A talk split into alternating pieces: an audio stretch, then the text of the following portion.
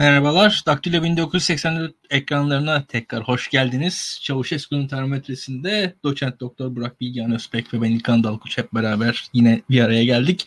Ee, bu hafta tam kapanma dedik yayın başlığına ama tam kapanma dışında da e, açıkçası Türkiye'deki genel siyasal atmosfer hakkında konuşacağız. Ki bizim açımızdan tam kapanma Bilgehan e, yani pandemi açısından tabii değerlendirilir ama ben kendi adıma işin daha ziyade devlet vatandaş ilişkileri bağlamındaki yansımasına bakıyorum. Yani o doktorların işi yani şu an gördüğüm fotoğraf benim tüm Türkiye'de birincisi hayatımda görmediğim kadar sıradan vatandaşla polis karşılaşması görmüş durumdayım ben şu anda. Yani son e, bir haftadır benim gördüğüm şey bu bir defa.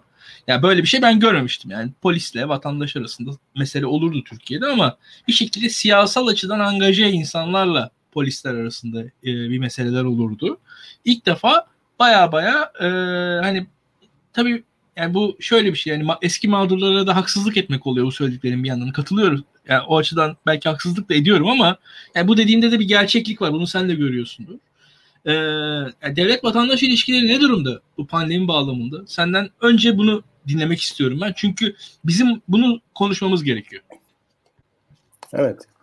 Ee, şimdi pandemi ilk ortaya çıktığı zaman aslında devletin olabildiğince hayatımıza müdahale etmesi gerektiğini bizzat insanlar düşündü. Yani bizler düşündük. Ee, bunun e, bir sebebi pandemi hakkında neredeyse hiçbir şey bilmiyor oluşumuzdu. Yani bu olgunun ne olduğu konusunda hiç kimse pek bir şey bilmiyordu. Dolayısıyla pandeminin başındaki devlet vatandaş ilişkileriyle artık 15 ay geçtikten sonra yaşanan hadise arasında çok büyük bir fark var. Çünkü insanlar bu konuya ilgililer İlkan. Okuyorlar.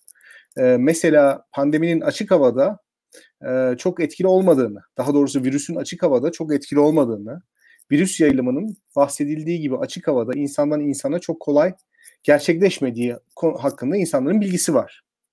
Ee, insanlar okuyorlar yüzey bulaşımının mesela o kadar zannedildiği kadar fazla olmadığını e, öğrendiler. Hatırlayın yani pandeminin ilk zamanlarında alışveriş e, den gelen insanlar paketlerini kapının önüne bırakırdı. Deterjanlı suyla falan silerdi. Üç gün balkonda bekletirdi. Sonra eve alırdı. Şimdi artık öyle bir şey yok. E, bu çok gerçekçi değil çünkü. Yapılan araştırmalar hani virüs yayılımının daha çok kapalı ortamda e, uzun süre bir arada kalan insanlar arasında gerçekleştiğini gösteriyor. Şimdi virüs hakkında bildiklerimiz arttıkça hükümetin e, virüsle mücadele ederken uyguladığı politikayı da sorgular halinde buluyoruz kendimizi. Dolayısıyla hükümetin attığı adımların virüsün engellenmesiyle ne alakası var sorusunu daha çok soruyoruz haliyle. Yani geçtiğimiz sene 2020 Nisan'ından ya da Mayıs'ından farklı olarak şu anda hükümetin adımları hakkında bir sorgulama gücümüz var. Yeteri kadar araştırma yapıldı ve insanlar bunu takip ediyor. İkincisi aradan geçen bir sene içerisinde aşı bulundu. Yani aşılama sürecini başarıyla tamamlayan ülkeler var şu anda. Vatandaşlarını tamamıyla kamusal alana e, açan ülkeler var. Daha doğrusu kamusal alanı vatandaşlarını açan ülkeler var. E, o yüzden insanlar yaşadıkları mağduriyetlerin e, bir anlamda sorumlusunu tamamıyla doğa olarak görmüyorlar, hükümet olarak da görüyorlar. Yani bize aşıyı ulaştıramayan bir hükümet var. Üçüncü olarak dünyadan farklı bir şekilde bizde pandemi süreci kuralların herkese, her toplum kesimine eşit olarak uygulandığı e, bir süreç olarak gerçekleşmedi. Kuraldan muaf olanlar, kuralı bir şekilde esnetenler ve e, kuralı esnettikleri için de başka insanların pandeminin yayılmasından sorumlu tuttuğu insanlar var. Yani bundan cenaze törenleri ve siyasi kongreleri kastediyorum. Dolayısıyla insanlar artık yaşadıkları olumsuzlukları tamamıyla doğanın bir gadri olarak değil de insanların, kurumların ürettiği, onların bilerek veya beceriksizlikten dolayı ürettiği bir hadise olarak algılıyorlar. Yani devlet vatandaş ilişkilerinde bizim e, aslında konuştuğumuz şey bu. Hani deprem olduğu zaman buna bazen yapacak çok bir şey yoktur. Fakat e, devamlı deprem oluyorsa ve hükümetler ya da belediye devamlı çürük e, ev yapılmasına müsaade ediyorsa veya deprem bölgesinde çok katlı ev inşaatına izin veriyorsa burada sorumlu artık depremden çıkar. O yöneticiler olur. Türkiye'de de benzer bir süreç yaşıyoruz. Yani şu anda Covid'in sorumlusu aslında geçen sene bu zamanlar hükümet falan değildi. Kimse hükümeti sorumlu tutmuyordu. Hı hı. E, hatta hatırlayalım İlkan böyle kapitalizm, sosyalizm tartışması vardı yani dünyada. Hani sistem mi değişiyor gibi. Kimse böyle yerel hükümetleri bundan sorumlu tutmuyordu. Fakat şu anda geldiğimiz noktada aslında e, hükümetin e, bu konuda olabildiğince e, sorumlu olduğunu düşünüyor insanlar. Ve bu sorumlulukları da artık daha fazla gizleyemez noktada hükümet. Bunu gizlemek için yaptığı bütün eylemlerde mesela polis gücüne dayanarak sosyal hayatı düzenlemek veya insanları bir şekilde e, bastırmak ya da kamusal alandan temizlemek gibi eylemlerde ya komik bir hal alıyor ya da vatandaşların tepkisiyle karşılaşıyor. Şu anda yap, tartıştığımız şey bu. Ya e, bir defa şöyle bir şey var. Pandeminin kendisi Bilgehan e, dehşetli bir rıza üretmişti. Yani bu, bu rızanın e, koşulları açısından şunu söyleyebiliriz. Yani e, devlete ihtiyaç var. E, devletin devlete e, devlete gereksinim duyuluyor. Bu pandemi zaten tüm insanlığı hedef alıyor. İnsan hani her bireysel olarak mücadele edilebilecek bir şey değil. Diğer insanlarla beraber herkesin bir arada yapması gereken şeyler var ve bu yüzden dediğin gibi kamusal aygıtların gücü artmıştı. Hem de oluşturabildikleri rıza artmıştı. Artı şu var. E, aynı süreçte belki yayın ilerleyen, ilerleyen saatlerin anketlerden konuşacağız. Yani o zamanlar hakikaten biz mesela bayrak etrafına toplanma etkisi üzerinden pandemiyle mücadele hemen hemen dünyadaki tüm ülkelerde iktidar partilerin oylarını arttırmıştı. Bu konuda e, bir evet. Amerika değişik bir şekilde ayrılmıştı açıkçası. Ama onun dışında tüm dünyada e, hani Almanya'da e, Merkel'in oyları çok yükselmişti. Şu an mesela Yeşiller Partisi'nin oyu çok yüksek Almanya'da. Tam tersine o zamanlar e, muhafazakarların oyları yükselmişti. Birçok yerde Fransa'da Macron'un oyu yükselmişti falan. Yani orada Türkiye'de de AK Parti'nin oyu yükselmişti pandeminin başında. Yani herkesin beklediğinin Tabii, aksine evet. e, gayet oyları yükselmişti. E, zaten o konularda şeydir hani bizim insanlar böyle e, AK Parti'nin veya iktidarın oylarının art, artışına rasyonel bir argüman bulmak istemezler halkın irrasyonel bir e, Tayyip Erdoğan sevgisi üzerine açıklamak isterler. Biz arada böyle evet. rasyonel bazı şeyler söyleriz ve o yüzden tepki alırız yani. Genelde öyle şeyler karşılaştıkmıştık yani açıkçası. E, neyse e, de, devam edelim. Burada e, üç tane aktör var bence pandemi başından beri konuştuğumuz. E, en azından belki birisi, bir, birisini az konuşuyoruz bu bağlamda. Yani bir Sağlık Bakanı, zaten Sağlık Bakanı hikayesi bence belli. Yani şu anda başarısı başarısızlığı açık. Ee, bunun dışında tabii bence Berat Albayrak üzerinden ekonomi yani ekonomi sağlık e, ilişkisi çelişkisi diyelim ikilemi Türkiye'nin yaşadığı şey ve acaba böyle bir ikilem var mı? Çünkü biz e, Sevla Demiralp'e konu kaldık. Yani hani önce pandemiyle dost doğru mücadele edilse ekonomi için daha iyi diye raporlar hazırlayan çok ciddi ekonomistler var şu an dünyada yani. yani bir yandan da işin o tarafı var. E, ve tabii bir diğeri de bence bu konuda az konuşuluyor. Şu an artık çok konuşulmaya yeni başlandı ki geç kalındı burada hatırlayalım. Pandemi sürecinde istifa etmişti Süleyman Soylu. Biz geçen sene 10 Nisan, 12 Nisan, 12 Nisan gecesi buradaydık. Gene bunu konuştuk. Ve şu anda yine pandemi konuşuyoruz ve yine Süleyman Soylu gündemde. Tesadüf mü? Bence değil açıkçası. Evet. Yani e, tekrar bakalım. Yani burada bu üç bakanın kendi arasındaki ilişki esasında Türkiye'nin pandemiye bakışını, mücadelesini ve mücadeleye baş, mücadelesindeki başarısızlıkları, müca nasıl mücadele ettiğini, eksiğini yediğini gayet gösteren bir şey. Bu üç perspektiften düşünürsek diye düşünüyorum. Tabii. Teker teker gidelim istersen. Fahrettin Koca ile başlayalım. Ya şimdi ee, Fahrettin... Ya... Hı. Hı Sö- söyle Sen Ya Fahrettin Koca konusunda bir defa şu var. Fahrettin Koca'nın Koca'ya Türk e, toplumu çok yüksek bir kredi verdi işin başında. Ama e, yani kendi kredisini kendisi tüketti. Şöyle söyleyeyim dahası o kadar çok tüketti ki sosyal medya kullanımına kadar tüketti. Yani Türkiye'deki muhtemelen en önemli medya mecrası Fahrettin Koca'nın Twitter hesabı ve şu an o Twitter hesabını bile çok kötü kullanıyor Fahrettin Koca. Öyle söyleyebilirim. Yani bir yani, yani böyle dandik ajansa verilmiş bir şekilde sosyal medya hesabı kullanılıyor ve oradaki o hoş cümleler o kadar gerçeklikten uzak ki kendi seçmenin tarafından tepki çekiyor ki Zaten buradaki olay şudur. Fahrettin Koca gerçekleri söylemedikçe zaten itibarı düştü. Ve burada çok basit bir olay var. Aşı meselesi. Yani şu an Türkiye'de neden aşı yok? Çok basit bir soru. Yani aşı pahalı olabilir. Şimdi mesela Türkiye'nin e, yani Türkiye mesela hmm, atıyorum Kongo seviyesinde bir ülke olsaydı aşının fiyatı ciddi bir meseleydi bizim açımızdan. Yani hakikaten e, Türkiye'nin diyelim tüm dış ticareti 2,5 milyar dolar olsaydı Türkiye'nin işte atıyorum kamunun e, yıllık bütçesi 20 milyar dolar olsaydı biz aşının e, çok ciddi bir şekilde e, hani fiyatını falan konuşabilirdik diye düşünüyorum. Ama ya Türkiye hani bu hükümete rağmen yani kaç yüz milyar dolarlık bir ülke. Yani ka- hazine şu anki haliyle e, ayda 6 milyar dolar para ödüyor neredeyse. Yani bir şekilde dünyaya her ay. Yani o yüzden aslında ne aşının tanesi 10 dolar olsa 100 milyon doz aşı 1 milyar dolar. ya bu, bu, böyle bakıldığınız ve şöyle bir durum var. E, azıcık hesap bilen birisi görür ki ya bu hadisenin şu an şu yaşadığımız olayın bir ay önce bitmesi zaten kaç milyar dolarlık bir gelir demek. Yani öyle burada şu gözüküyor ki mesele aslında organizasyon meselesi. Mesele e, örgütlenme meselesi, mesele tercihler meselesi. E, bu hani işte Çin olur, e, Rusya olur, şu olur. Biz biz kaç aydır öyle de olacak, böyle de olacak. Şu oluyor, bu oluyor. Yani e, enteresan bir şey konuşuyoruz ve sürekli de tarihler erteleniyor. Tarihler aksıyor. E, tarihler aksamaz da demiyorum. Yani hayat içerisinde hata olur, eksik olur, gedik olur. Yani ancak e, karşımızdaki muhatabın e, dürüstlüğüne inanıyor muyuz? Ben inanmıyorum artık bir yerden sonra. Yani hani bir, bir söz söylenmesi gerekiyor diye söylüyor e, Türkiye'de Sağlık Bakanı. E, zaten daha önceki vaka sayıları meselelerini falan artık geçtim. Onu halkımız zaten çok iyi biliyor. E, bir, bir, bir işin o tarafı var bence onu söyleyeyim ben. İşte senin diyeceğin bir şey varsa ekle istersen. Ya ben e, hani ilk pandemi başladığı zaman Sağlık Bakanı'nı çok beğenenlerden de değilim. Şu anda çok kötü olduğunu düşünenlerden de değilim.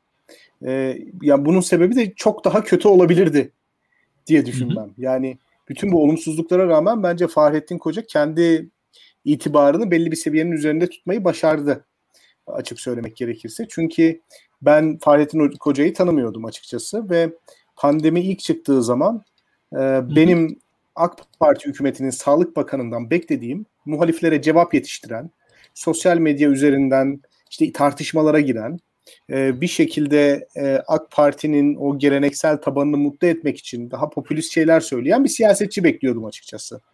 Hatta Şirin Payzın'la bir diyaloğa girdiği zaman da bunu düşünmüştüm. Ya galiba dedim hani böyle bir şey çıkacak bu süreçte biz epey Sağlık Bakanı'nı konuşacağız.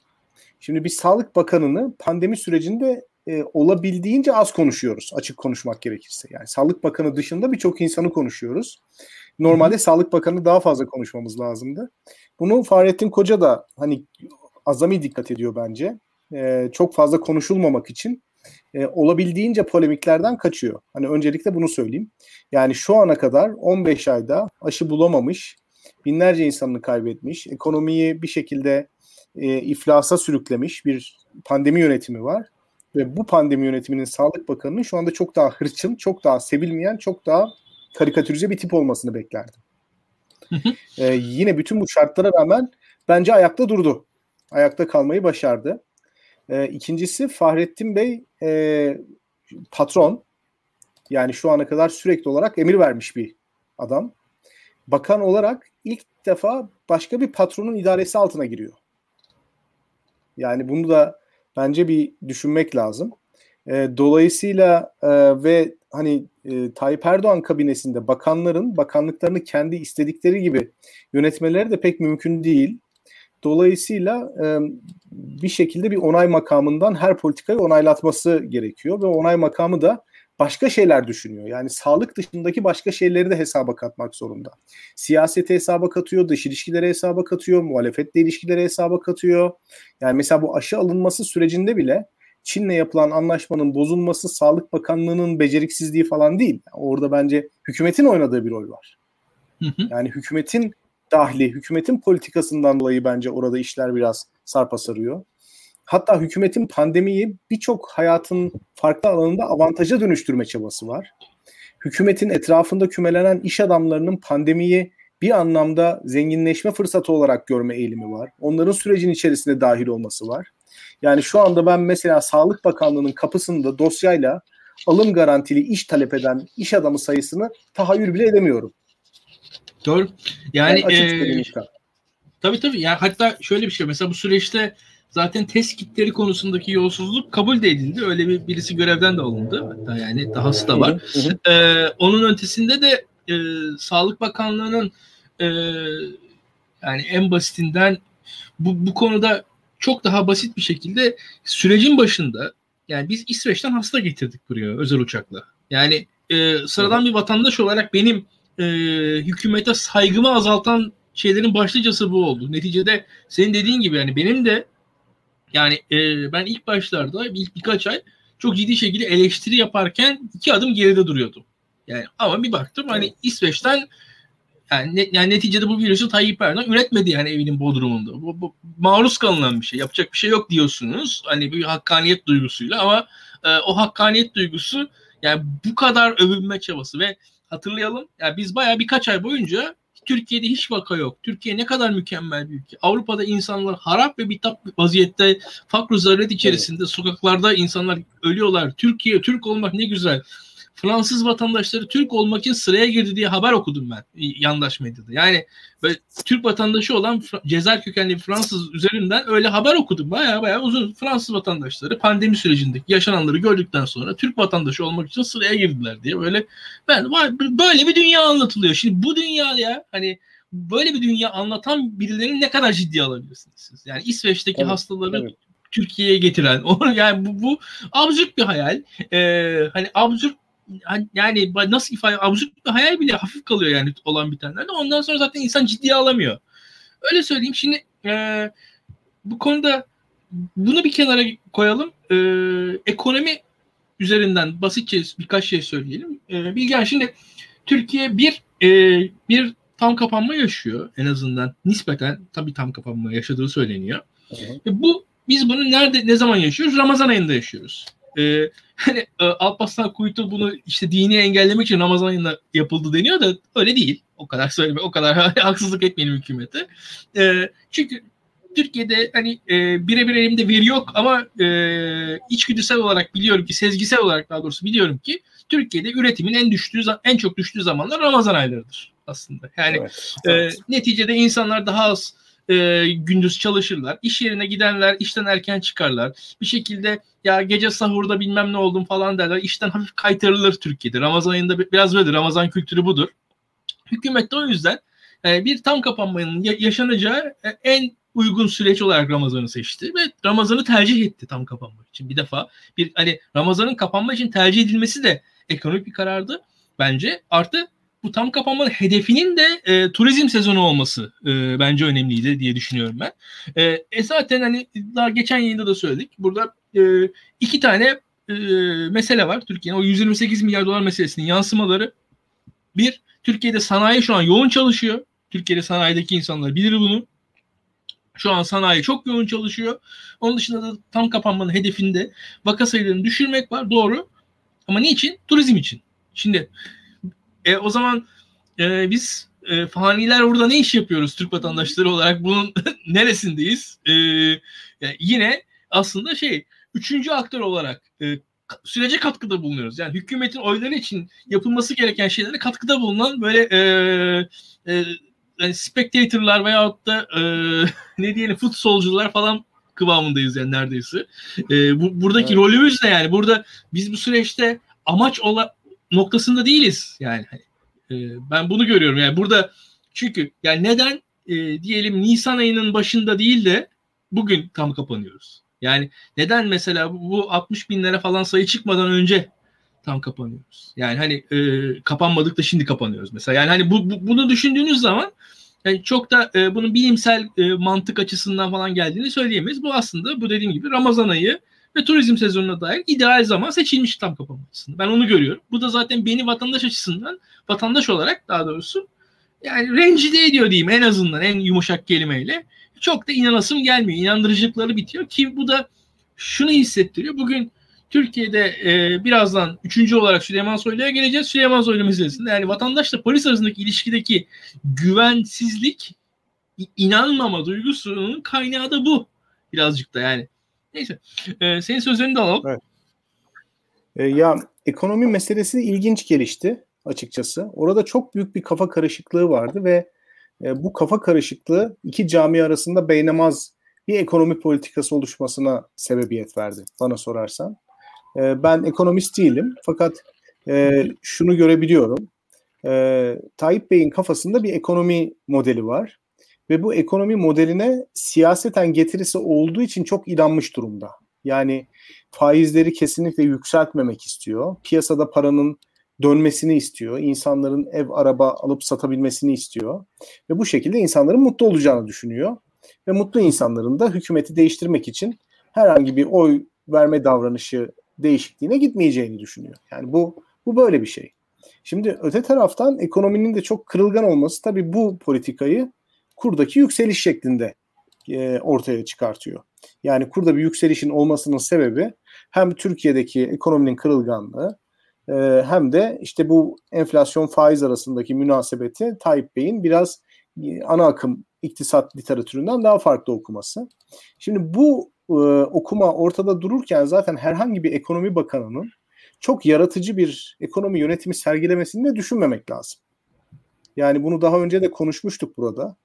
E, damat bakan ya da e, Berat Albayrak üzerinden siyaset yapan e, muhalifler var. E, yani bu tamam yani bence insanların ilgisini çekiyor. Ancak Berat Albayrak yerine e, kim olursa olsun bu siyasi atmosfer içerisinde ekonomiyi daha farklı yöneteceğini ben düşünmüyorum. Keza hayatta bizi doğruladı. Naci Abal Merkez Bankası Başkanı olarak atandı. Ee, Berat Albayrak sistemden çıktı ve bu sistem ancak 4 ay dayanabildi. Hı hı. Öyle değil mi? Yani 4, tabii, 4 tabii. ya da 4,5 ay dayanabildi. Dolayısıyla buradaki sorun ekonomi yönetimindeki zihniyetten ziyade Türkiye'deki politik ekonomi anlayışı. Yani e, bütün hayatın Adalet ve Kalkınma Partisi'ni iktidarda tutmak için seferber olmasını bekleyen anlayış. Yani bir berberin amacı iyi saç kesmek değil. Bir berberin amacı yaptığı iş neticesinin AK Parti'nin siyasi ikbaline yaraması. Bir iş adamının amacı da para kazanmak değil. Bir iş adamının amacı iyi bir mal üretmek ya da iyi bir hizmet üretmek değil.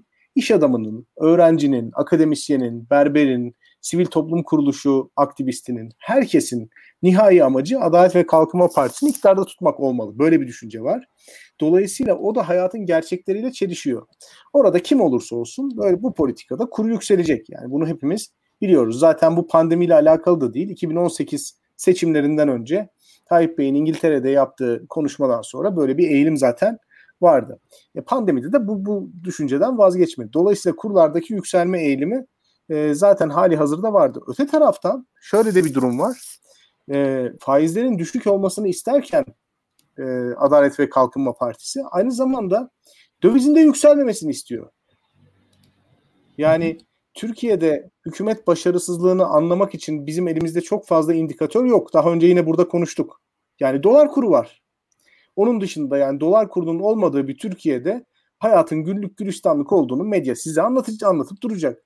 Medyanın şekillendiremediği tek şey dolar kuru. Hatta geçenlerde biliyorsunuz e, pazartesi gecesi pazarı pazartesine bağlayan gece dolar kuru birden yükselmişti ya bu Merkez Bankası'nın görevden alınmasından sonra. Yani müdahale geldi. Te- televizyon tekrar cuma günkü kapanış kurunu girdi. Yani ellerinden gelse bunu yapacaklar. Zaten bu 128 milyar dolar hikayesi de biraz bu. Yani o seviyede tutmak için paranın çarçur edilmesi. E, bu iki durum birbiriyle çakışıyor. Yani hem piyasaya para sürüp hem de doları düşük tutmak istediğiniz zaman işte 128 milyar dolar paranız gidiyor. Ya hayatta çatıştığınız zaman bu parayı piyasa fiyatının altında bir şekilde bozduruyorsunuz ya da yeni bir piyasa fiyatı oluşturmak için bozduruyorsunuz. E, bu e, aslında uzun süre gizlendi. Hatta şunu söyleyeyim İlkan, bu geçtiğimiz sene 1 Haziran'da e, açılmayla beraber e, hatırlarsın faizler düşürüldü. E, ev ve otomobil e, kredileri e, faizleri evet. düşürüldü. Birçok insan ev aldı. Türkiye'de konut satışında patlama yaşandı 2020'de.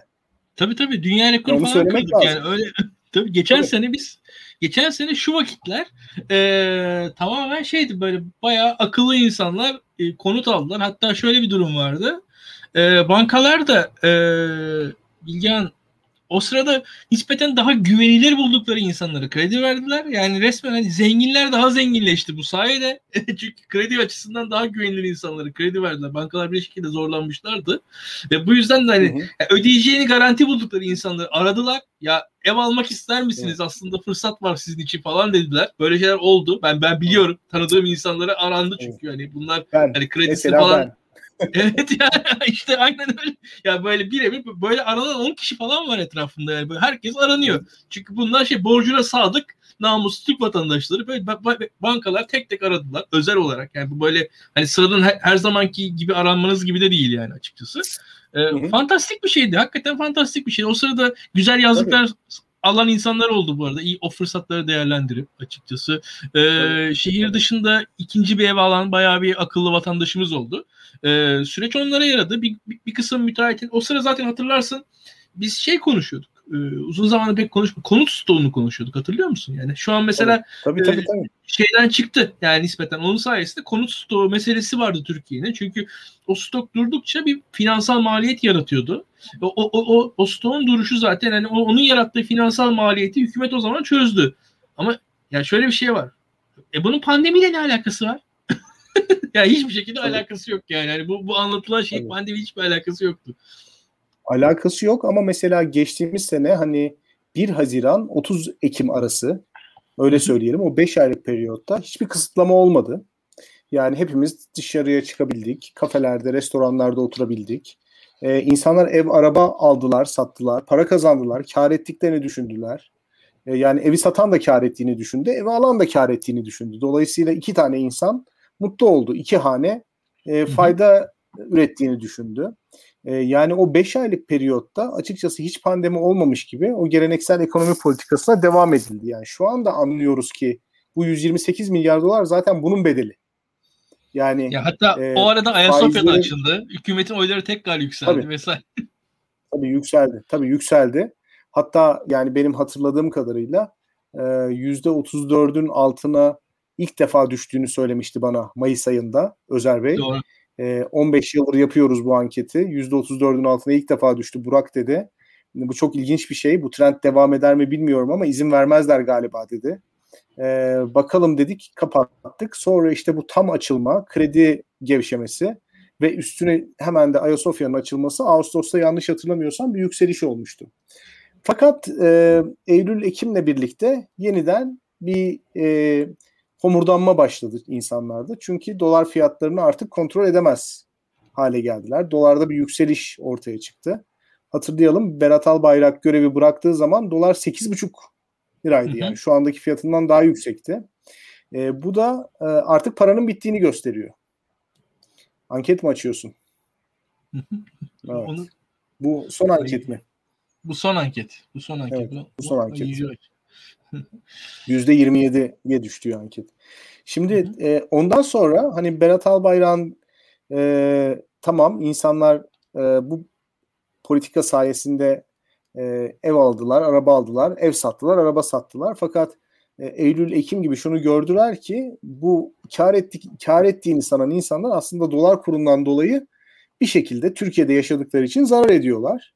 E, ve e, şu da ortaya çıktı ki artık Türkiye'nin rezervinde bu ekonomi anlayışını karşılayacak para kalmamış. E, Naci Ağbal'ın ve Lütfü Elvan'ın gelişiyle birlikte insanlarda tabii yeniden bir umutlanma oldu.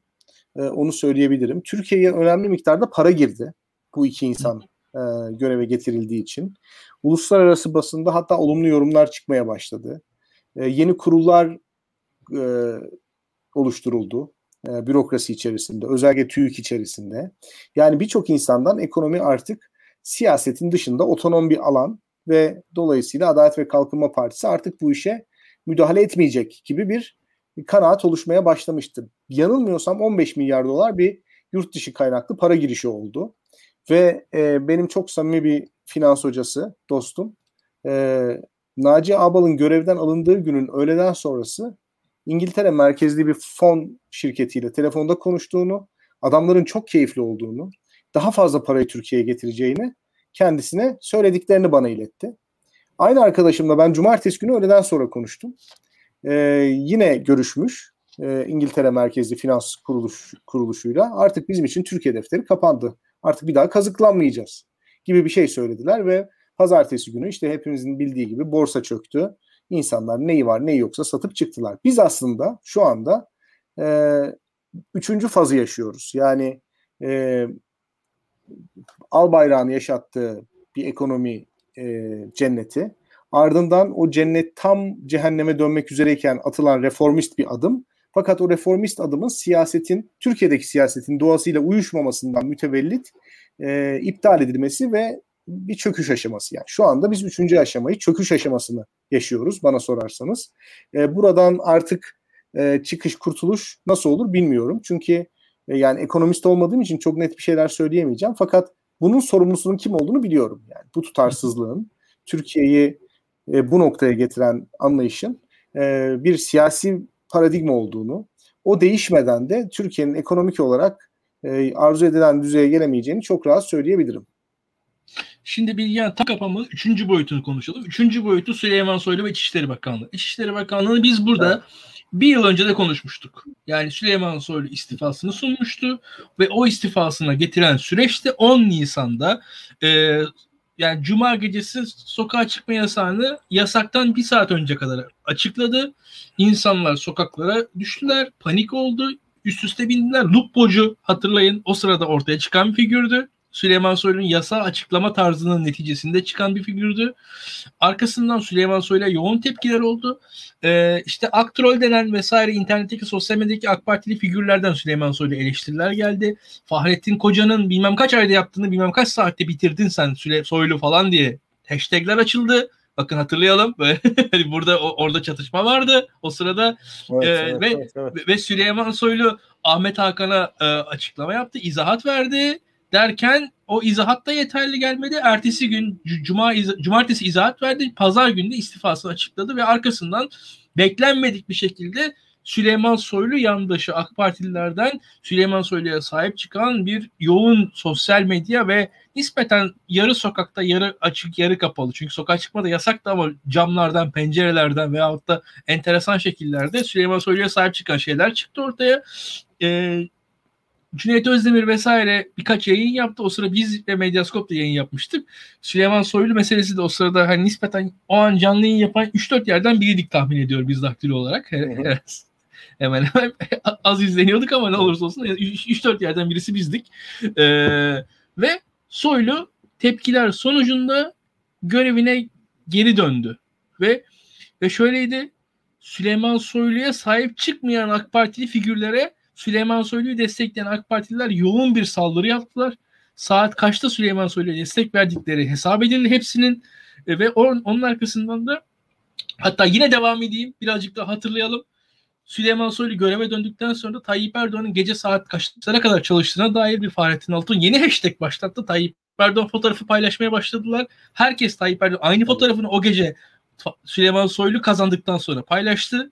Ee, ve özellikle e, hani Berat Albayrak'a yakın figürler, e, kadın kolları başkanları, İstanbul başkanları falan filan hepsi tek tek aynı fotoğrafı. Hatta bir hafta sonra da hepsi farklı farklı Tayyip Erdoğan fotoğrafı paylaştı. Yine o hashtag işini sevdiler.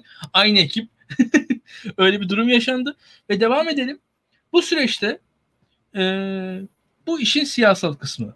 Ama bir de sosyal kısmı var. Yani sosyal kısmını mesela sen de yaşadın. E, sen bir ceza yedin. E, böyle evet. şu an e, evet. ya pandemi meselesinde ceza yiyen çok sayıda insan var. Yani ben şöyle söyleyeyim. Mesela bizim apartmanın altında bir dükkanda dövmeci var. E, dövmeci çok böyle inanılmaz paralar kazanmıyor. Adamı tanıyorum. Eşiyle beraber aynı anda evden geliyorlar. Beraber çalışıyorlar. E, eşiyle beraber bir çocukları var. Mesela çocuklarını bebek arabasıyla apartman etrafında gezdiriyor eşi. Çünkü şey yani çocuğu birine bırakacak bir maddi durumları yok. Karı koca ve çocuk beraberce evden işe geliyorlar ve işten eve geri dönüyorlar. Böyle bir aile. Şimdi e, bebek arabasıyla eşi apartman etrafında gezerken, gezdirirken çocuğu ceza yedi. Şimdi ben böyle bir şey yaşandı şimdi. Ben bunu biliyorum şu an Türkiye'de. Bunun gibi binlerce örnek var. Yani e, haklı haksız, doğru yanlış ve şu anda en son yaşanan şeyler e, denizde yüzen insanlar ceza yiyor. E, işte kimi e, çocuk parklarında salıncaklar sökülmüş durumda. Ya böyle şaşkınlıkla izliyorum ben. Salıncak sökülmüş çocuk parkları görüyorum. Böyle hani ne yapmaya çalışıyorlar acaba yani amaç nedir? Burada gerçekten ilginç bir noktaya doğru gidiyoruz ve e, şöyle söyleyeyim e, izinler alınmaya çalışılıyor ve izin meselesinin hepsi e, sonuna kadar e, sıkıntı çekiyor. Hani her iz, her, yani kim istisna kim değil her şey tartışmalı. Ne diyorsun? Şimdi Soylu hakkında objektif bir analiz yaptığımız için e, sosyal medyada bizi takip eden arkadaşlar bizi soyluyu savundu diye afişe ettiler. Bizi yap, bize dediler bunu ya. Bize diyorlar. Yani hani gerçekten inanmakta zorluk çekiyorum. Ee, yani ismiyle cismiyle burada 56 programdır hükümet eleştiren adamlara bunu söylemeye de çekinmiyorlar. Hakikaten çok şaşırdığım anlardan bir tanesi. O yayını da açtım tekrar izledim bunun üzerine. Bizim Soylu ile ilgili söylediğimiz şey aslında çok açık. Soylu e, İslamcı bir siyasal İslamcı bir geçmişten gelmiyor. Dolayısıyla dışarıdan bu mekanizmaya dahil olan bir isim. E, fakat merkez sağda siyaset yaptığı için bu e, siyaset yapma yeteneği çok yüksek bir insan. Kendisine taban yaratabildi dışarıdan gelerek ve bu tabanı yaratırken de Türkiye'nin terörle mücadelesine e, ve terörle mücadelesine e, geleneksel Türk sağ seçmenin duyduğu doğal refleksi kullanarak yaklaştı. Yani devlet kültünü olabildiğince heybetli bir şekilde temsil ederek, amansız bir mücadele psikolojisinde psikolojisi içerisinde e, olduğumuzu söyleyerek, bunun propagandasını yaparak, çok çalıştığı izlenimini vererek e, bu Türk sağ seçmenin içerisindeki devlete tapınmacı tarafı olabildiğince sömürdü açık söylemek gerekirse. E, bunu yaparken de insanları kriminalize etmekten, yaftalamaktan, olabildiğince kaba bir şekilde tanımlamaktan imtina etmedi. Bunu da Türk demokrasisi pahasına, Türk hukuku pahasına yaptı ve kendisine bir siyasi alan açtı. Yani bizim söylediğimiz şey bu. İkincisi de Süleyman Soylu'nun iyice teknokratlaşan, başkanlık sistemiyle beraber siyasi yeteneklere oldukça düşen AK Parti kabinesi içerisinde bu bildiğimiz halk siyaseti yapan, yani pazara çarşıya giden, insanların tayin işini yapan, insanların bürokrasideki işini çözen, e, bayramda, seyranda açıp halini hatırını soran, cenazesinde açıp başsağlığı dileyen, yani bu bildiğimiz e, Türkiye siyasetinin de işlerini iyi yaptığını iddia ettik. Dolayısıyla e, Süleyman Soylu'nun istifasının herhangi bir bakanın istifasından farklı olabileceğini, bunun muhakkak siyasi sonuçları ve siyasi sebepleri olduğunu iddia ettik. Yani bunu duyan arkadaşlar bizim Soylu'yu savunduğumuzu iddia ettiler. Niye böyle diyorsunuz dediğimizde de işte Soylu e, bir, bir takım olumsuz sıfatlarla tanımlıyorlar kendilerine göre. Haklılardır, haklılar. Bir şey söylemiyorum. Ama programda bizden böyle bir şey duyamadıkları için yani olabildiğince Soylu hakkında olumsuz konuşmadığımız için onu savunduğumuza hükmetmişler. Diyecek bir şey yok. Yani biz o şekilde konuşmuyoruz. Yani insanlarla ya da siyasi olaylarla ya da siyasi olgularla alakalı duygusal tepkiler vermiyoruz. Analiz etmeye çalışıyoruz. Her neyse yani Soylu aslında böyle bir figürdü ve 10 Nisan günü bence çok önemli bir kırılma noktası yaşandı. Bu kırılma noktası e, görevden affımı talep ediyorum cümlesinin tam tersi bir e, meseleydi. Ben ilk Twitter mesajımı açtım okudum. E, AK Parti'den istifa etmek önemli bir mesele. Yani birisinin istifa ettiğine değil, istifa edebildiğine bakmak lazım. Soylu istifa edebilecek bir adamdı. İstifa edebilecek birisi olduğu için görevde kalabildi. Aslında bunu da söylemek gerekiyor. Çünkü doğruya doğru belirli bir tabanı hareket ettirme, belirli bir tabanı mobilize etme gücü oluştu. Bu güç ne zamandan sonra oluştu? Bu güç 7 Haziran'dan sonra oluştu. 7 Haziran'dan sonra Çalışma Bakanıydı Süleyman Soylu. Ee, ve e, gözden kaçan bir gelişmedir. E, Doğan Holding'e Çalışma Bakanlığı tarafından bir soruşturma başlatıldı. Petrol ofisi meselesinden ötürü yıllar önce rafa kalkmış bir dosya raftan indirildi ve 1 Kasım seçimlerinden önce Kanal D'nin, CNN Türk'ün Demirtaş propagandası yapmaması için Aydın Doğan'a şantaj olarak sunuldu. Biliyorsunuz Demirtaş CNN Türk'te bağlama çalmıştı ve birçok AK Partili Demirtaş'ın seçim başarısını bu PR faaliyetine bağladı. Daha doğrusu PR olarak tanımladı ve buna bağladı. Ee, ve Süleyman Soylu Çalışma Bakanı olarak bile bakın Çalışma Bakanı yani çok alakasız bir bakan. Çalışma Bakanı olarak bile seçimin gidişatını etkileyebileceğini Sayın Cumhurbaşkanı'na gösterdi o zaman. Yani ne kadar faydalı olabileceğini. 15 Temmuz'dan sonra da hatırlayalım TRT'yi kurtaran e, bakan Süleyman Soylu e, ve İncirliğin kapatılması gerektiğini söyleyen ilk kabine üyesi Süleyman Soylu. Yani 16 Temmuz sabahı İncirliğin kapatılmasını söyleyen ilk kabine üyesi. O gün bugündür terörle mücadele e, konusunda işte biraz önce bahsettiğim amansız mücadelenin sembol ismi. Yani Süleyman Soylu bugün Türkiye'de güvenliğin kendi siyasi kişiliğiyle bir arada anıldığı bir karakter olarak hı hı. siyaset üretti. Bunu başardı. Bunu başardı. Ben e, şunu iddia etmiyorum. Yani Türkiye'nin mesela PKK saldırılarından arınmasının sebebi Süleyman Soylu'nun bakanlığı olduğunu iddia etmiyorum. Orada çok başka parametreler olduğunu düşünüyorum. Türk-Amerikan ilişkileriyle alakalı. Kesinlikle. Fakat e, Süleyman Süleyman Bey bunu bunu gizledi mesela. Kimse bunu konuşmadı. Hani bunu bürokrasi biliyor. Bunu iyi yetişmiş e, güvenlik sektörü elemanları biliyor. İyi yetişmiş subaylar biliyor. İyi yetişmiş istihbaratçılar biliyor. Bunu iyi yetişmiş bürokratlar biliyor ama halk bilmiyor. Yani iyi akademisyenler biliyor ama halk bilmiyor. Dolayısıyla Doğru. o e, yani kendi o devletin güvenliğini, devletin bekasını bir şekilde e, kendi siyasi kişiliğinde tecessüm ettiren bir politikacı oldu. Bunu da sevimli bir şekilde yapmayı başardı. Yani sevimli bir şekilde yapmayı başardı derken AK Parti tabanına siyasetçi bir figür olarak kendisini sevdirmeyi başardı. Yani onun siyasetini de iyi yaptı. Nasıl iyi yaptı bunun siyasetini? Mesela dikkat ediyoruz. 15 Temmuz'dan sonra işte Kemalistlerin de çok dışlanmadığı yani o Kemalistlerin Atatürk'ü ikonlaştırdığı ve herkesin ona saygı duymasını beklediği bu olduğu takdirde de geri kalan kötü uygulamaları göz ardı etme gibi bir alışkanlığı var. Bu çok basit bir şey. Yani AK Parti bunu uygulayabilir. Fakat mesela milli bayramları Kemalistler açısından önemli olan durumları Süleyman Soylu mesela çok ön planda kutlamadı. Hı hı. Açık söylemek gerekirse. Doğru. Veya ee, muhafazakarların rahatsız ve, olduğu ve, ve şöyle o kutlamamayı da muhafazakarlar fark ederler. Süleyman Soylu bunu bilir. Fark ettiler.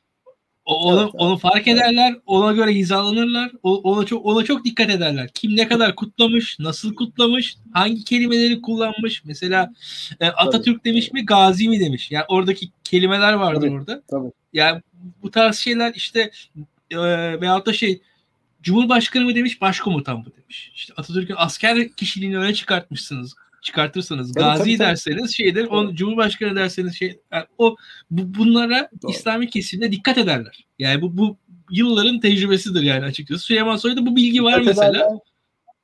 Tabii, o dile tabii. falan çok dikkat ediyor. Ee, sen sen söylemiştin galiba İlkan. Bu senin lafın yani. Türk sağı kiminle konuştuğuna değil ne konuşmadığına dikkat eder. Yani ne bir şey yani hakikaten sağ seçmen e, birbiriyle e, sağ kesim yani birbiriyle böyle konuşarak doğrudan e, iletişime geçerek irtibat kurmaz. Böyle değil yani usul. Türk salonunda usulü bu değil. Hani o e, Türk solunda kongre kaybeden adam hemen televizyona çıkar konuşur. Bütün süreci anlatır falan. Yani Türk sağlığında bu yok. E, bununla ilgili senin bir programın olması lazımdı İlkan. Ben hatırlıyorum böyle bir şey. Ya sohbetlerimizde anlatmıştım bunu ya bir programda dinledim seni. Ama böyledir yani. Süleyman Soylu da bu işi çocukluğundan itibaren yani 13-14 yaşında e, Doğru Yol Partisi'ne ya da işte Adalet Partisi'ne tam emin değilim yaşının kaç olduğundan.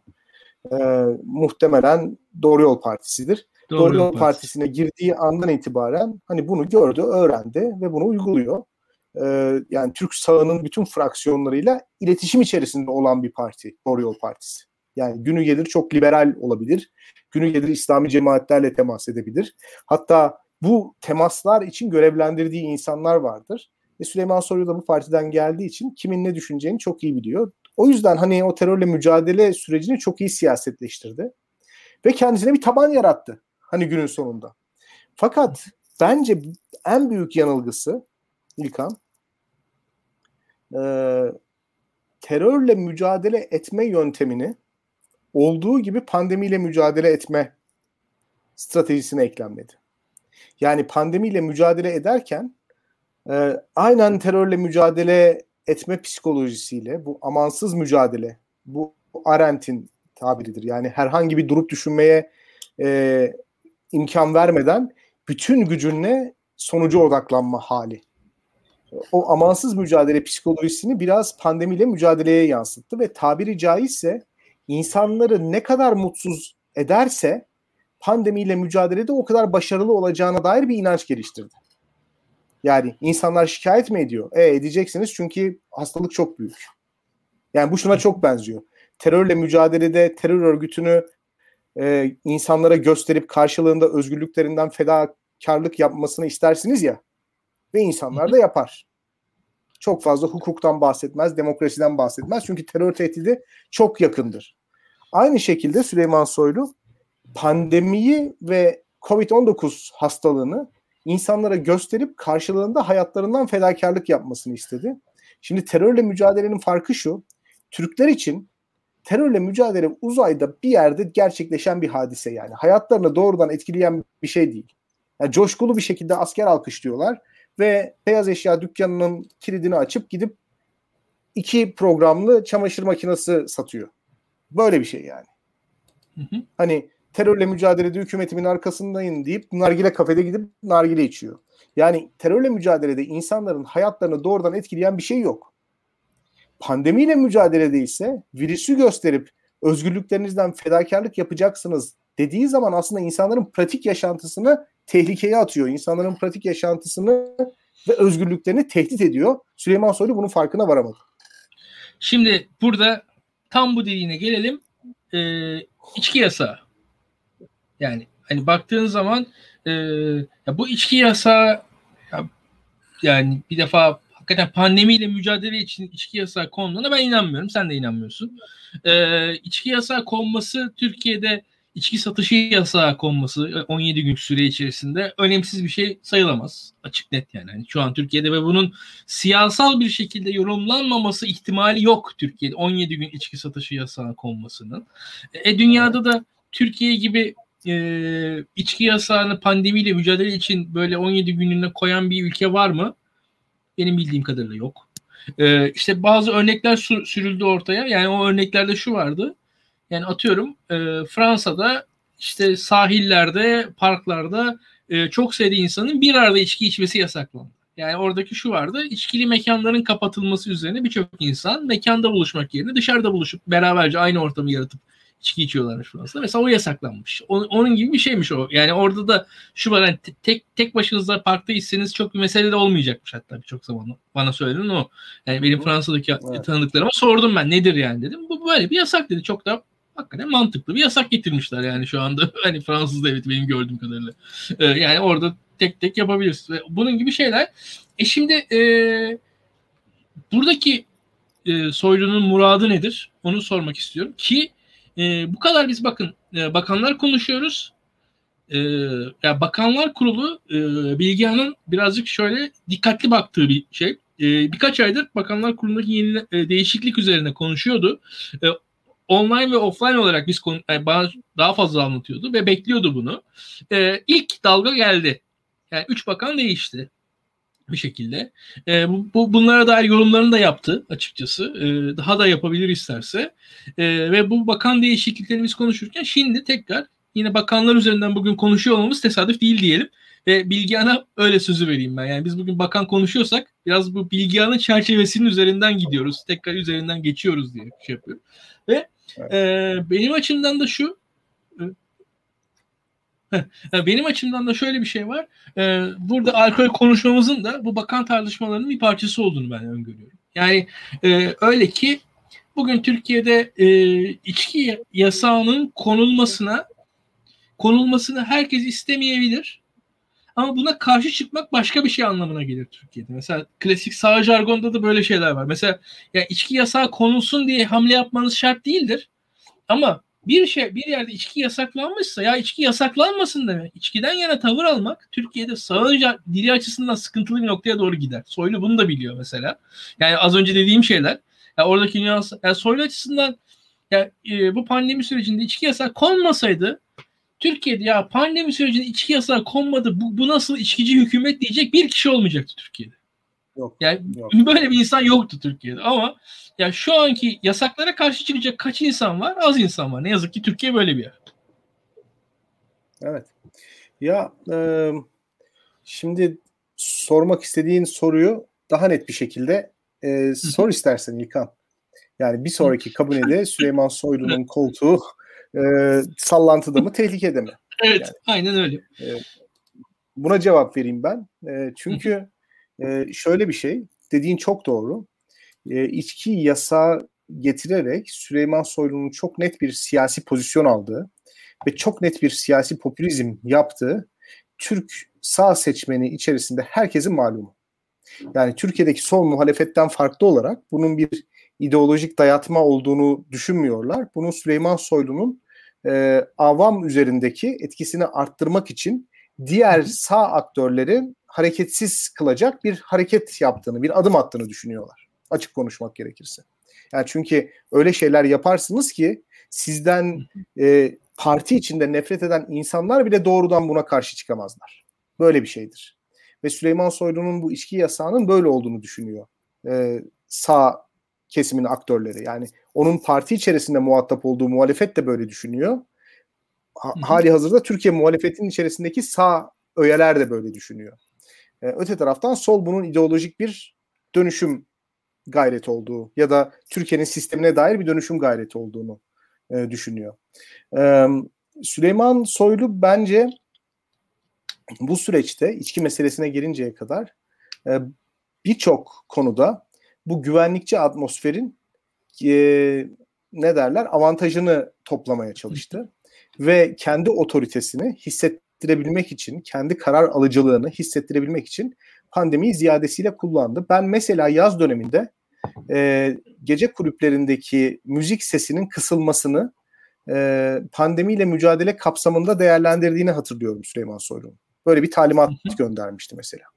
Hatırlarsak. Yani evet. müziğin sesiyle virüs yayılımı arasında aslında hiçbir ilişki yok.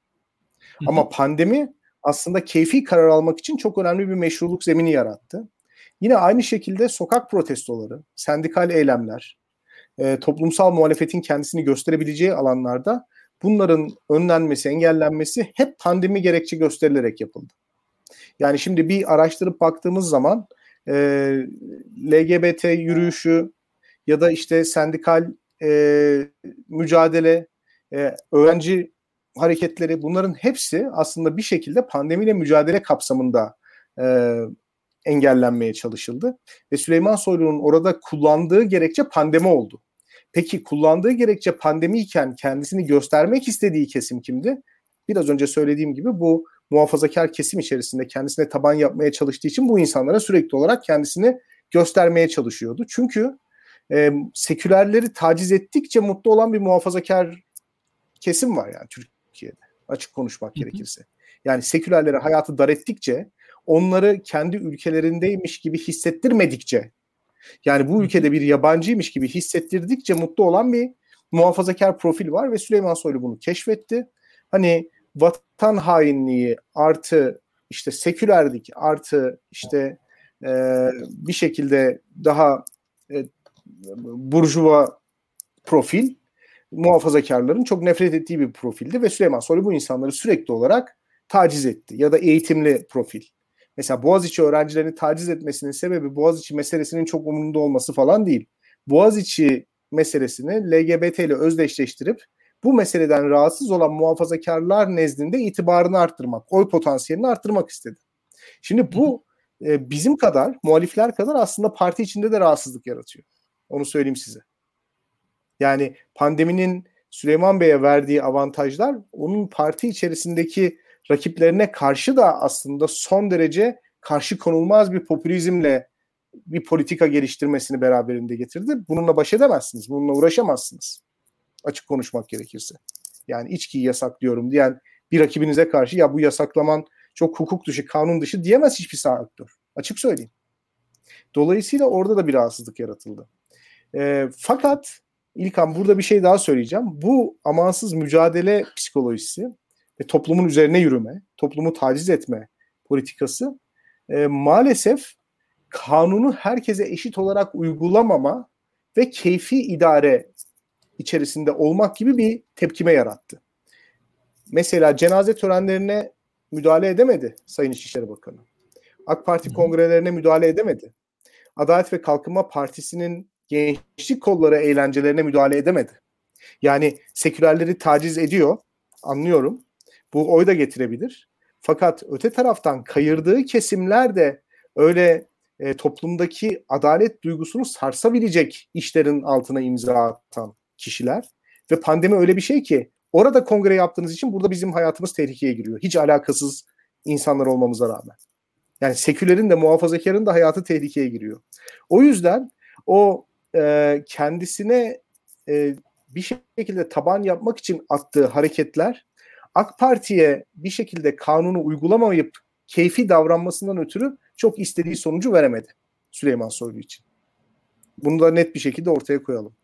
Üstelik bu adaletsizlik duygusu işte bu içki yasağıyla beraber alınan herhangi bir önlemin e, rasyonaliteyle açıklanmak zorunda bile kalmayışı gibi bir durum olarak ortaya çıktı. Yani muhafazakarlar için de bu böyle.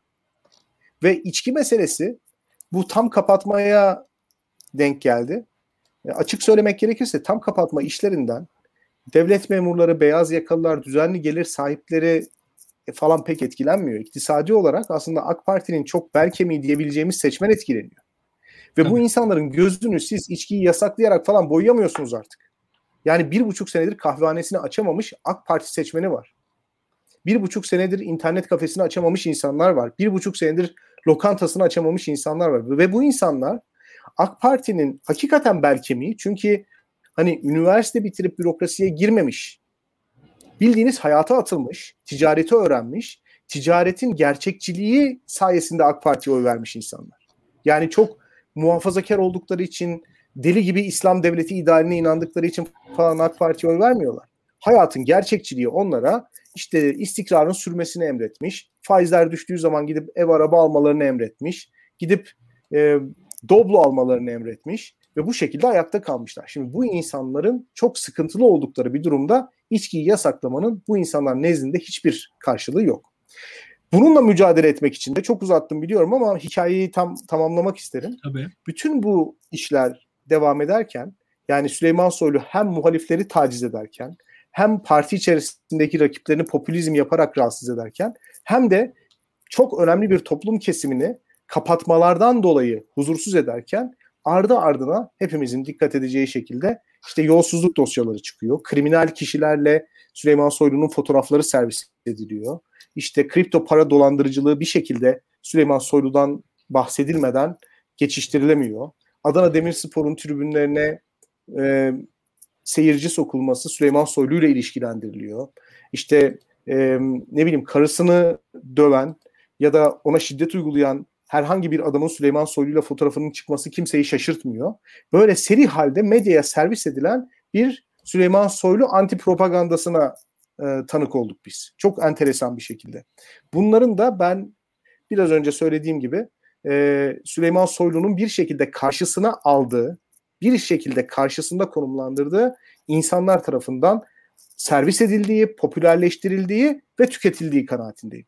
Böylece biz 2021 senesinin Mayıs ayına geldiğimiz zaman aslında sahnede tek başına e, olan, e, başka hiçbir oyuncuya sahnede yer bırakmayan fakat olabilecek herhangi bir aksaklıktan da tek başına sorumlu olacağını kabul eden, her an seyirci tarafından sahneden inmesi için e, uyarılabilecek bir Süleyman Soylu ile karşı karşıyayız. E, bugün sana gönderdim bir ikimizin de tanıdığı bir Twitter kullanıcısı. Süleyman Soylu'ya hayrandı bu çocuk. Aynı zamanda Ayasofya imamını da çok seviyordu ve tam bir AK Partilidir aslında. tam bir AK Partilidir derken pragmatizmiyle AK Partilidir. Rasyonalitesiyle AK Partilidir. Ee, şöyle bir tweet yazmış diyor ki ya biz çok eleştirdik ama acaba Berat Albayrak bu kabinedeki en makul adam mıydı? Yani günah keçisi diye ilan ettiğimiz adam o kadar da günahkar olmayabilir mi? herhangi bir HDP'liye bile ülkeyi verseniz ayıp olur diye bu kadar kötü yönetmez. Böyle bir tweet atmış bir çocuk. Ve Süleyman Soylu ile ilgili hani o bahsettiğim onun karşısında kümelenen koalisyonun fikirleri bence Mayıs ayına geldiğimiz anda tamamıyla değişti. Geçen sene 10 Nisan'dan 2020 10 Nisan'dan 2021 3 Mayıs'ına Süleyman Soylu'nun kaybettikleri bunlar. Dolayısıyla yani, bir sonraki kabine sürecinde de buna uyumlu olarak bazı gelişmeler bekleyebiliriz. Yüzde yüz katılıyorum başından sonuna kadar ki e, dediğin gibi zaten e, biz bu programı daha önce kabine değişikliğine paralel bir şekilde kurguladık açıkçası. Yani o üç değişiklikte nasıl e, bu yolsuzluk dosyalarıyla beraber adım adım geldi ki o yolsuzluk dosyaları da o kabine değişikliğinin zaten geleceği için ortaya çıkmıştı. E, şu an skandallar duyuyoruz. Duymadığımız kadar, daha önce denk gelmediğimiz kadar skandalla karşı karşıyayız arka arkaya skandallar yaşanıyor ve Türkiye'yi de az çok biliyorsak yani tamam bunu bu skandalları ortaya çıkartan gazeteciler, Twitter hesapları vesaire bunlar saygın muhalifler olabilirler. Kimse itham etmiyoruz ama bu haberlerin bu datanın ortaya çıkışında bir iktidar tarafındaki bir çatışmanın olduğunu biz biz görüyoruz öyle söyleyebilirim. Ve dahası e, ve dahası e, Soylu'nun e, üzerinde de bu, bu tartışmalar devam edecek ki şöyle söyleyeyim ben Türkiye'deki şu an e, bu bir haftalar yaşanan içki e, tartışmasının da e, hangi seslerle yapıldığını biraz geriye çekilerek düşünelim. Yani AK Parti'nin e, tüm e, kurum ve kuruluşlarıyla yani tüm ideolojik aygıtlarıyla beraber bu içki meselesinde sahaya indiğini ben görmüyorum bir defa. Yani ve yani e, tamam tartışanlar var. Mesela bir kısım samimi içki düşmanı muhafazakar insan e, kendince tavırlar alıyor. Ama e, o e, işte bir yoğun bir bulut halinde ülkenin üzerine çöken AK Parti düşüncesi etkisi falan yok şu anda. Yani o, o da aslında e, bana dediğin şeylerin sağlaması olarak gözüküyor ki şu şudur neticede e, bu, bu iş bitene kadar kenarda dururlar, beklerler gibi geliyor bana ve bu iş bittikten sonra da e, netice ortaya çıkacaktır gibi geliyor. Yani e, tamamen katılıyorum sana. Tamamen katılıyorum ki e, burada zaten dediğimiz gibi e, bu çatışmalar, bu e, bu hikayeler de tek başına da değil bu arada. Yani bu arada bize de mesela bu programımızın konusu dışında ki biz işte en son ee, Özel Sencer üzerinden oy oranlarını konuşacağız e, seninle. Son olarak ona geleceğiz ama ona gelmeden önce de şunu Aslında konuş. Bir şey söyleyeyim mi? Nikan bir şey söyleyeyim mi? Özer Bey'i evet. gelecek hafta yayına davet edelim. Ha evet edelim. Özer Bey gelir bize. Hı. Yani bizzat kendisiyle konuşalım. Tamam. Tamam Özer Bey bize gelir zaten. Ee, Özer Bey'in bize gelmesini istiyordur herhalde arkadaşlar. Onu söylesinler bize Özer Bey'in. Çünkü birisi söylemiş.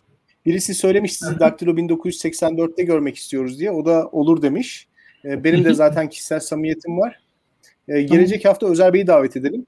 İzleyicilerimize de haber vermiş olalım. Eğer e, kabul ederse haftaya e, meşhur metropol anketini kendisinden dinleme fırsatı bulabiliriz.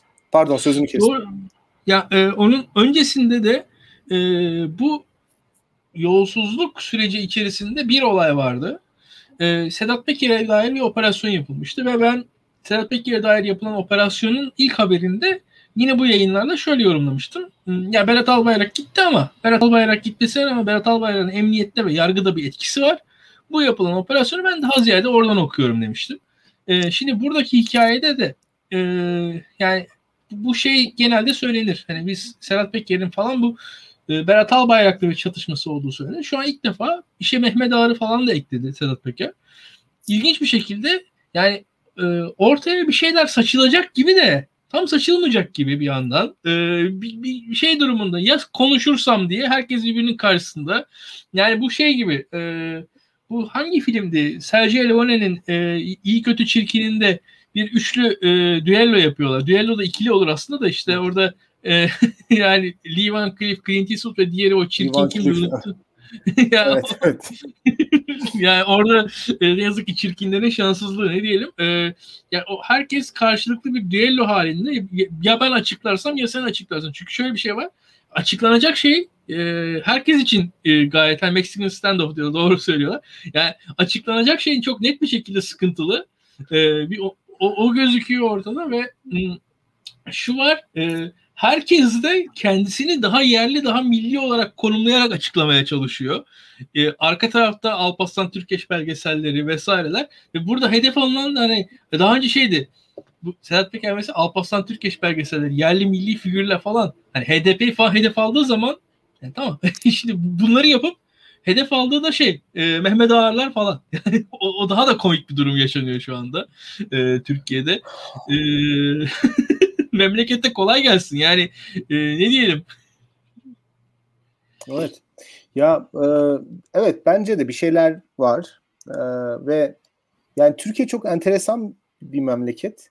Aslında birçok mesele hali hazırda orada duruyor. İnsanların tweetleri duruyor, insanların görüntüleri duruyor. E, fakat bir an geliyor ve bunlar popüler oluyor. Bu insanların işte ipleri çekiliyor her neyse. E, şimdi hani bu kadar e, dallandırıp budaklandırmaya gerek yok aslında. Birçok insanın konuştuğu, herkesin bildiği meseleler var. Ve bu meseleler bir şekilde e, işte açığa çıkartılmakla tehdit ediliyor insanlar. Yani benim anladığım şey bu. E, ve bunların e, bu meselelerin ne olduğu da benim zerre umurumda değil. Onu da net bir şekilde söyleyeyim. Benim umurumda olan şey niçin şu anda bu meseleler gündeme geliyor. Yani benim asıl odaklandığım konu odur. Yani e, mesela Hilal Kaplan'ın e, geçtiğimiz hafta bir görüntüsü ortaya çıktı 24 Nisan tarihinde.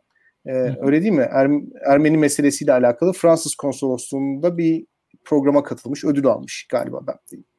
Öyle duydum. Evet öyle. E, şimdi ya bu bilinen bir meseledir muhtemelen. Toplantıya katılanlar vardır, o toplantıdan görüntüler paylaşanlar vardır. Hani 2021-24 Nisan'ında bunun gündeme gelmesinin bir açıklaması olmalı.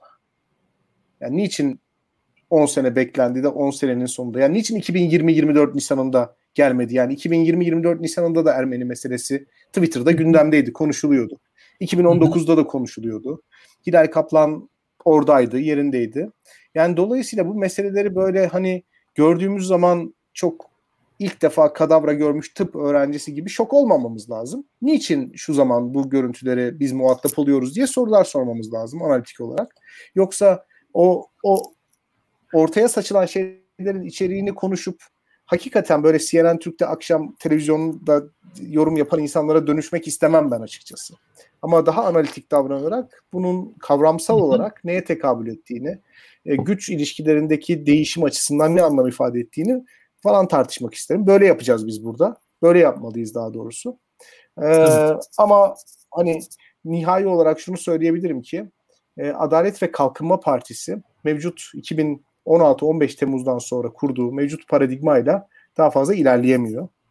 Özellikle başkanlık sistemi sonrası kurduğu siyasi sistem, yönetim sistemi iflas etmiş durumda.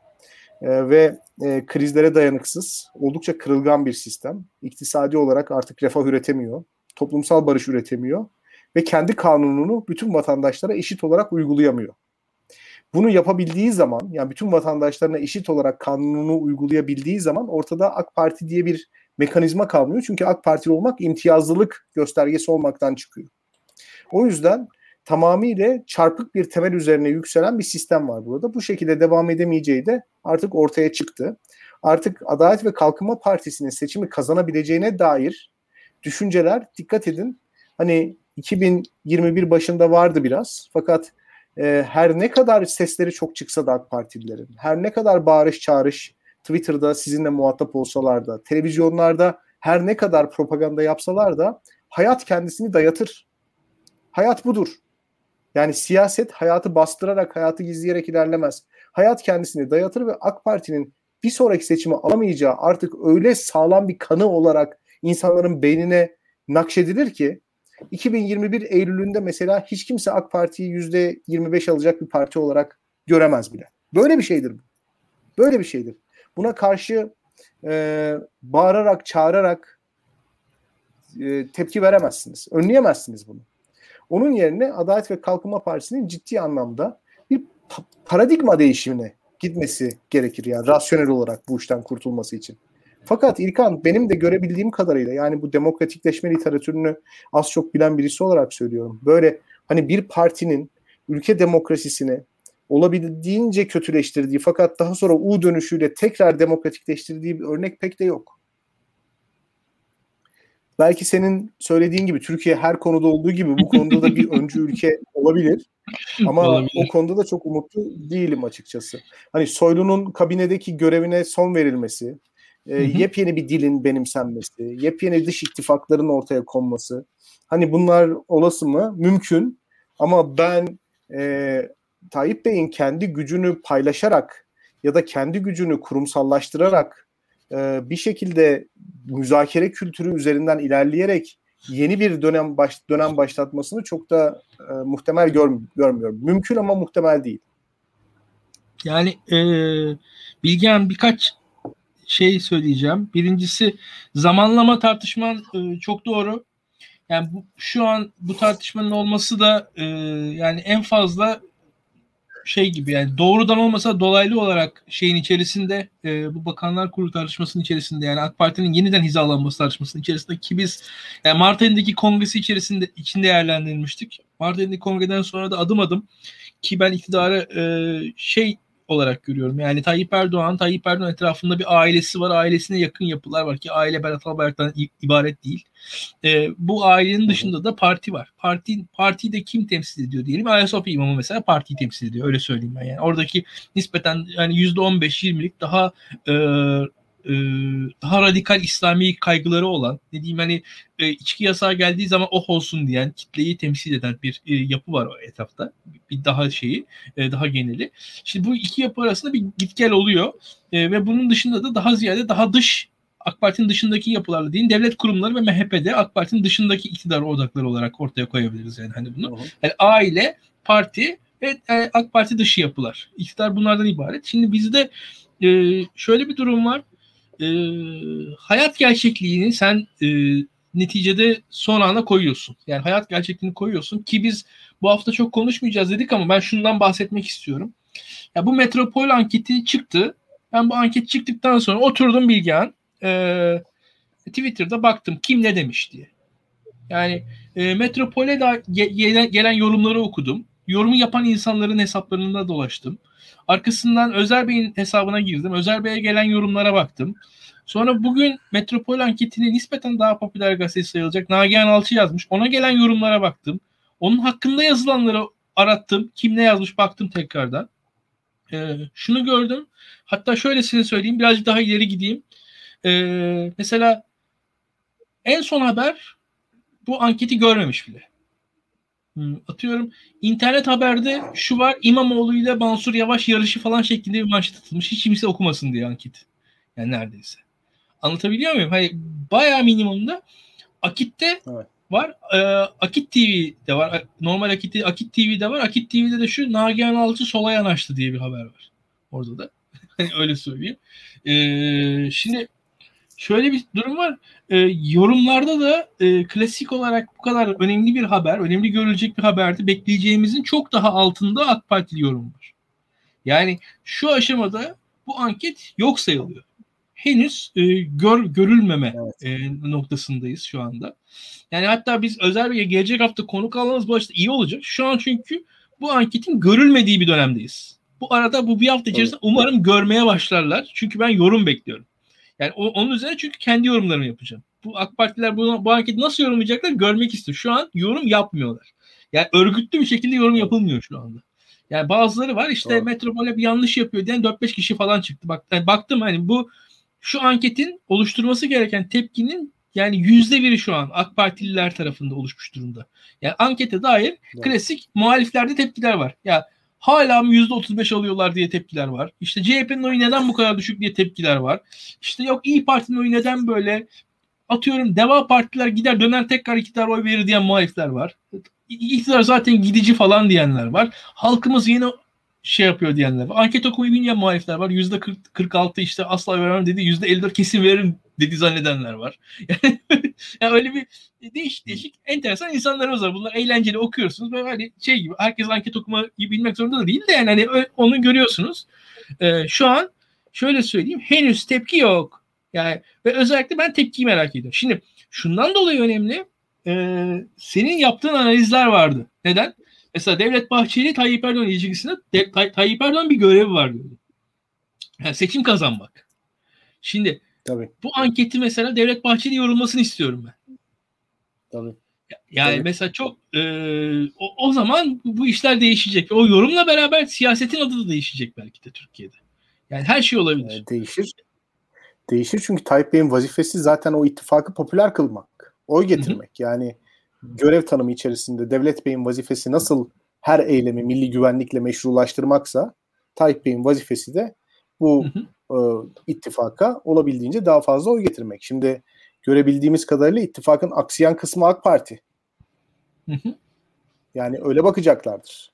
Hani onlar klasik muhalif tavrı gibi e, AKP artı MHP yüzde 43 işte toparlarlar mı diye bakmıyorlar yani. Evet. Milliyetçi Hareket Partisi de hayır kurumu değil. Devlet Bahçeli de partisini hani ittifak içerisinde olabildiğince güçlü tutmak istiyor. Yani böyle bakmamak lazım hadiselere. Yani Devlet Bey çıkıp biz mezara kadar beraberiz dediği için büyük bir aşk yaşadıkları zannedilmesin. Tam tersine Adalet ve Kalkınma Partisi'ndeki düşüş Cumhur İttifakı içerisinde Milliyetçi Hareket Partisi'nin ağırlığını arttıracaktır. Adalet ve Kalkınma Partisi kayıptan sorumlu hale gelecektir. Yani bunlara böyle bakmak lazım. Ya Bilgehan Tayyip Erdoğan şahsına edilen hakaretlere karşı duyarlı bir lider. Tayyip Erdoğan'ın şahsına en büyük hakaretleri etmiş iki lider var şu an Türkiye'de. Yani birincisi Necmettin Erbakan rahmetli oldu. İkincisi e, Devlet Bahçeli. Yani Kemal evet. Kılıçdaroğlu'nun veyahut da e, Meral Akşener'in Tayyip Erdoğan'a dair söylediği sözleri biz alt alta üst üste toplayalım. Devlet Bahçeli'nin dediklerinin zekatı etmez. Hani hakaret vesaire denilebilir. hani o, o sertlik bağlamında yani. Çok daha e, yumuşak eleştirileri var aslında yani. Hani e, ki bu açıdan Devlet Bahçeli'nin dediğin gibi yani e, tamamen angaje sayılmaması gerekiyor. Kesinlikle katılıyorum. Ve şöyle söyleyeyim e, yani işin e, rengi de işin boyutu da değişir. E, şu aşamada görmüyorlar. Bir noktada görülür bu. Görüldükten sonra biz başka siyaset konuşacağız. Yani ondan eminim ben. Olur. Ee, konuşuruz. Doğru. Doğru. Doğru. Yani şöyle konuşuruz hocam. Sana şöyle söyleyeyim. Hani ya bu mesele e, yani Cumhur İttifakı meselesi mevcut paradigma içerisinde yeniden kendisini popülerleştirecek bir adım atacak ki atmak zorunda. Yani bu şekilde kendi haline bırakıp gittiği zaman hükümette bir yönetim beceriksizliği olduğu için oy kaybediyor. Çok net. Ya bir adım atılacak burada. Bunu hepimiz beklemeliyiz. Ya mevcut ittifak e, kompozisyonu içerisinde bu adım atılacak veyahut partiler kendilerini bu düşüşten kurtarabilmek için birbirleriyle bir şekilde yaptıkları akti bozacaklar ve yeni stratejiler geliştirecekler. Yani üçüncü bir yol bana pek man yani tepkisizlik gibi bir e, yol beklemiyorum açıkçası ben. Ya izninle açayım ben. Ee, ittifaklar arası tek e, uzlaşma noktası parlamenter sistemdir. Yani bir defa da. Yani hani neticede evet. odur. Parlamenter yani çünkü şu e, metropol anketi parlamenter sistem tartışmalarını tekrar başlatmıştır şu an Türkiye'de. Hiç kimse bunu e, evet, reddetemez yani şu anda. Hak evet. olur olmaz başka bir şey. Yani ben asla hani ben ben de yani, yani parlamenter sistemin geleceği konusunda bahis yapar mıyım? Yapmam. Ama şu an parlamenter sistem tartışılmaktadır. Tartışılmak zorundadır şu anketten sonra. Yani şu an çünkü şöyle bir şey var. Ee, yani düne kadar sertlik düşünen, sertlik isteyen, o anlattığımız yüzde yirmilik belki daha radikal İslami kökenli, daha böyle e, içki yasağını isteyen insanlar ya iktidar gidebilir duygusunu yaşarlarsa başka türlü hareket ederler. Evet. Yani orada evet, evet, aynen düne yani oradaki hikaye biraz budur. Ee, hani herkes de e, hani Devlet Bahçeli rasyonel olduğu gibi o insanlarda da bir rasyonelite var. Yani o insanlar böyle evet. kör değil hiç kimse. Herkes onu biliyor ki Tabii. biz daha önce şunu söylemiştik hatırlayalım. Yani biz Süleyman Soylu'ya oluşan teveccühün aslında yani ekonominin kötü olduğunu tüm AK Partililer de biliyor. Ama o, o nasıl ortaya çıkıyor? Süleyman Soylu övgüsüyle. Süleyman Soylu'ya da o kadar bayılmıyorlar esasında o insanlar. Yani evet. ama şu evet. ekonomi çok kötü. Açıktan ekonomi eleştiremezler. Ne yapıyorlar? Süleyman Soylu övüyor AK Partililer. Yani AK Parti'nin Süleyman Soylu evet. övgüsü de o kadar gerçek bir övgü değil ki bugün bunu ya bugün Süleyman Soylu'ya karşı algı nasıl değişiyorsa aslında biraz bu var orada. Yani dünkü övgü de o kadar bir şey değil. Çünkü dünkü övgü ekonominin halinden AK Parti nasıl bahsedebilir? Yani ekonomi rezil diyemez. Kendisi de AK Partili. O Süleyman Soylu Tabii. övecek. Yani onun yapacağı şey o. Bu insanlar yani insanlar her dediklerinin e, onların asıl söylemek istedikleri olmadığını biraz düşünmemiz lazım. Hani arada biraz bizim uğraşmamız gerekiyor. Biraz bizim kazımamız gerekiyor diye düşünüyorum. Ee, Bilgehan bir saat 20 dakika oldu artık. İzleyiciler artık evet, bitir evet. diyorlar. Bu arada çocuklar tamam. da bekliyor. evet. Ee, Güzel yayın oldu ama. Çok açık açık konuştuk. Çok iyi Kesinlikle konuştuk öyle. evet. Kesinlikle öyle. Ee, gelecek hafta Özer Bey'i ayarlamaya çalışacağız, ikna etmeye çalışacağız. Özel Bey umarız gelir e, ve e, e, halkın e, tepkilerini, halkın görüşlerini, halkın e, taleplerini de beraberce konuşuruz diye düşünüyorum. E, bu gecelik bu kadar diyelim. Arkadaşlar haftaya... Bir de bir şey söyleyeceğim İlkan. E, geçen sene bir sahur yayını yapmıştık. Hı hı. E, hatırladın mı? Üçe evet, kadar. Oturup Aha, yayın yapmıştık. Bu sene de Ramazan bitmeden e, onu bir gelenek haline getirelim. Bir tabii, sahur tabii, yayını yapalım. yapalım.